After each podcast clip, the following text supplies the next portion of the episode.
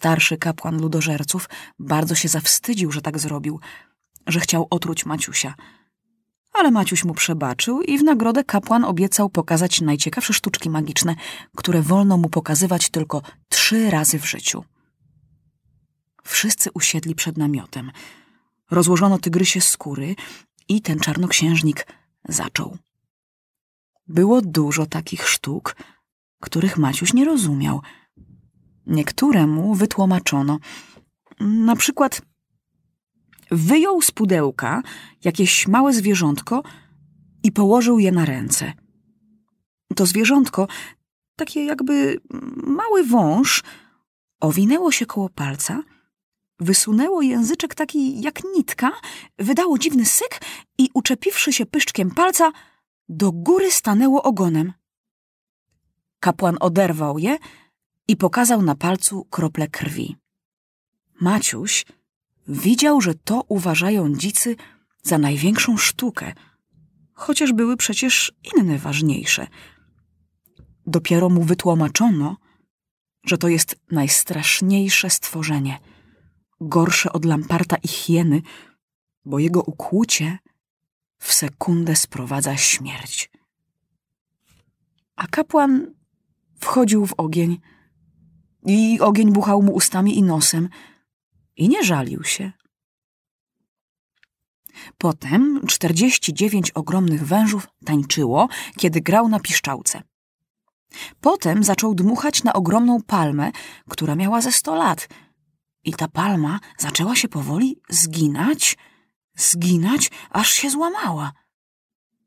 Potem przeprowadził w powietrzu laseczką linię między dwoma drzewami i przeszedł po niej w powietrzu jak po desce. Potem rzucił w powietrze kulę z kości słoniowej, a jak spadała, podstawił głowę i kula wpadła mu do głowy i znikła. A znaku żadnego nie było. Potem zaczął się kręcić w kółko, tak strasznie prędko i długo, a jak stanął, wszyscy widzieli, że ma dwie głowy i dwie twarze. I jedną się śmiał, a drugą płakał.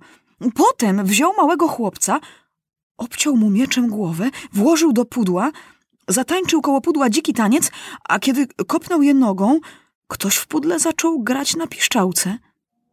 Otworzyli pudło, a tam leżał sobie ten chłopiec jakby nigdy nic i wyszedł i zaczął się gimnastykować. To samo zrobił z ptakiem. Puścił go wysoko i strzelił z łuku.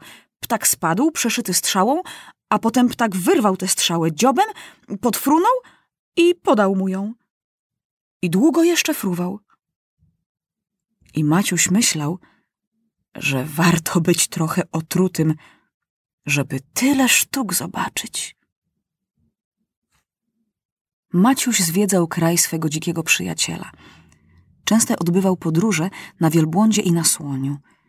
Widział wiele wsi murzyńskich, które mieściły się w ogromnych i pięknych lasach. Domów murowanych wcale tu nie było, tylko szałasy. Wszędzie było w szałasach bardzo brudno. Zwierzęta i ludzie mieszkali razem. Wielu murzynów było chorych, a tak łatwo można ich było wyleczyć. Doktor dawał lekarstwa i oni bardzo mu byli wdzięczni. W lasach często widywali murzynów rozszarpanych przez dzikie zwierzęta albo zmarłych od ukąszeń jadowitych wężów. Maciusiowi bardzo żal było biednych ludzi, którzy tacy byli dla niego dobrzy. Dlaczego nie zbudują sobie kolei? Nie założą elektrycznego światła? Dlaczego nie mają kinematografów? Dlaczego nie zbudują sobie wygodnych domów? Dlaczego nie kupią strzelb, żeby się bronić od strasznych zwierząt? Przecież mają tyle złota i brylantów, że dzieci bawią się nimi jak szkiełkami. Biedni murzyni tak się męczą, bo im biali bracia nie chcą pomóc i boją się ich. I Maciusiowi przyszło na myśl, że jak wróci do domu, zaraz napisze do gazet, że kto nie może znaleźć roboty, żeby pojechał pracować do murzynów, żeby im budować domy murowane i koleje. Tak Maciuś myślał, żeby pomóc ludożercom, ale myślał i o tym, żeby na swoje reformy we własnym państwie zdobyć pieniądze. Właśnie zwiedzali wielką kopalnię złota i Maciuś poprosił króla Bumdrum, żeby mu trochę pożyczył. Bumdrum zaczął się strasznie śmiać. Jemu złoto niepotrzebne wcale i może Maciusiowi dać tyle, ile tylko jego wielbłądy będą mogły uradzić. Ja swojemu przyjacielowi mam pożyczać? Nie. Biały przyjaciel może wszystko brać, co mu się tylko podoba. Bumdrum kocha małego białego przyjaciela i chce mu służyć do końca życia. Kiedy już Maciuś szykował się do podróży, król ludożerców urządził wielkie święto przyjaźni. To było tak. Raz na rok zbierali się wszyscy murzyni w stolicy i wybierano tych, którzy mają być w ciągu tego roku zjedzeni przez dwór królewski. Ci, których wybierano, strasznie się cieszyli, a ci, których król nie wybierał, byli bardzo zmartwieni. Wybrani na zjedzenie tańczyli dziki taniec radości, a niewybrani chodzili na czworakach.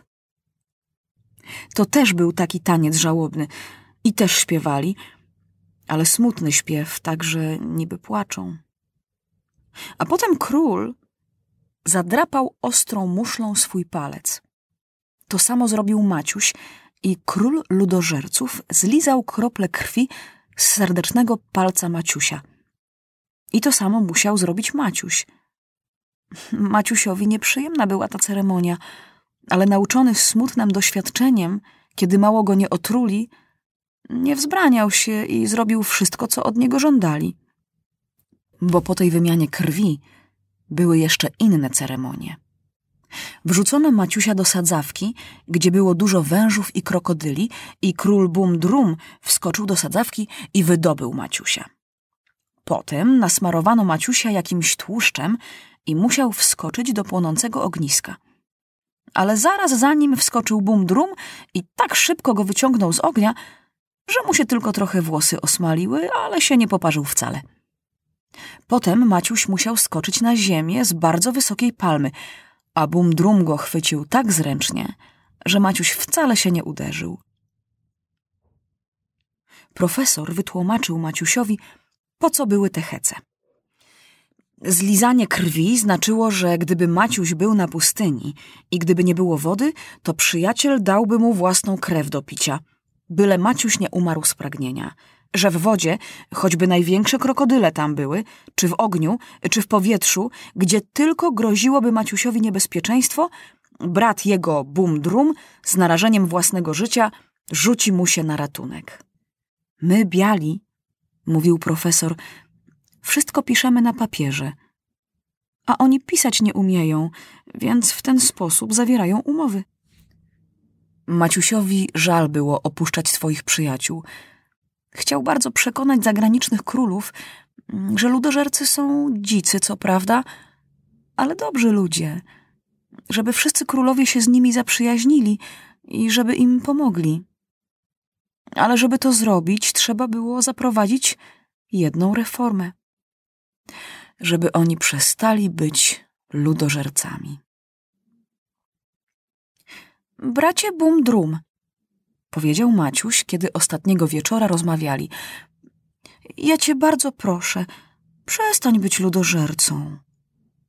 Maciuś tak długo tłumaczył, że nieładnie jest zjadać ludzi, że zagraniczni królowie nigdy tego nie darują, że zjadają ludzi, że koniecznie musi zaprowadzić taką reformę, żeby tego nie robić, to przyjedzie tu dużo białych, zaprowadzą porządek i będzie murzynom przyjemniej żyć w ich pięknym kraju.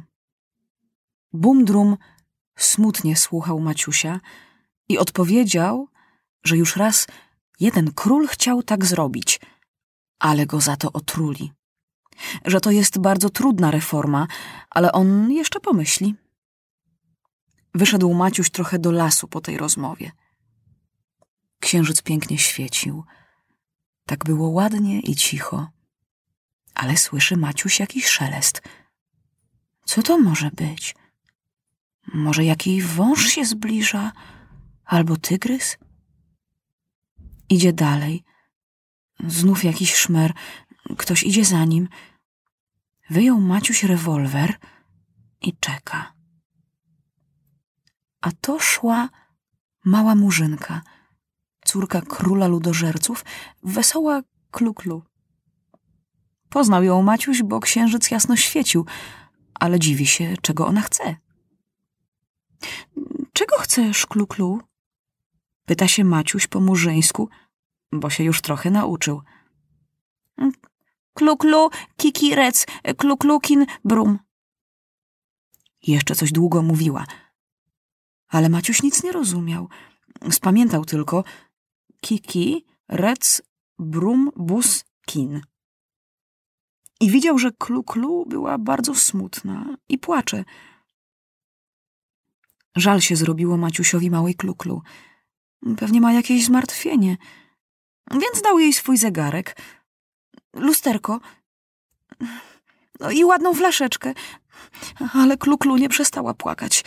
Co to być może? Dopiero jak wrócił, spytał się profesora, a ten wytłumaczył, że kluklu bardzo kocha Maciusia i chce razem z nim jechać. Maciuś prosił profesora, żeby wytłumaczył kluklu, że nie może jechać sama, że pewnie tatusia jej króla Bumdruma poproszą do Europy i wtedy na pewno będzie mogła z ojcem przyjechać. I już nie myślał Maciuś więcej o małej kluklu, tym bardziej, że przed wyjazdem bardzo dużo było roboty. Na pięćset wielbłądów ładowano skrzynie ze złotem i drogimi kamieniami. Różne owoce smaczne, napoje, różne afrykańskie przysmaki, wina i cygara na prezent dla ministrów. Umówił się, że za trzy miesiące przyśle klatki na dzikie zwierzęta do zoologicznego ogrodu. Uprzedził, że może przyśle aeroplanem różne rzeczy, więc żeby się nie przestraszyli, jeżeli przyfrunie biały człowiek na wielkim ptaku z żelaza. Rano wsiedli i pojechali. Droga była ciężka, ale wszyscy byli zahartowani, więc pustynia ich już bardzo nie zmęczyła.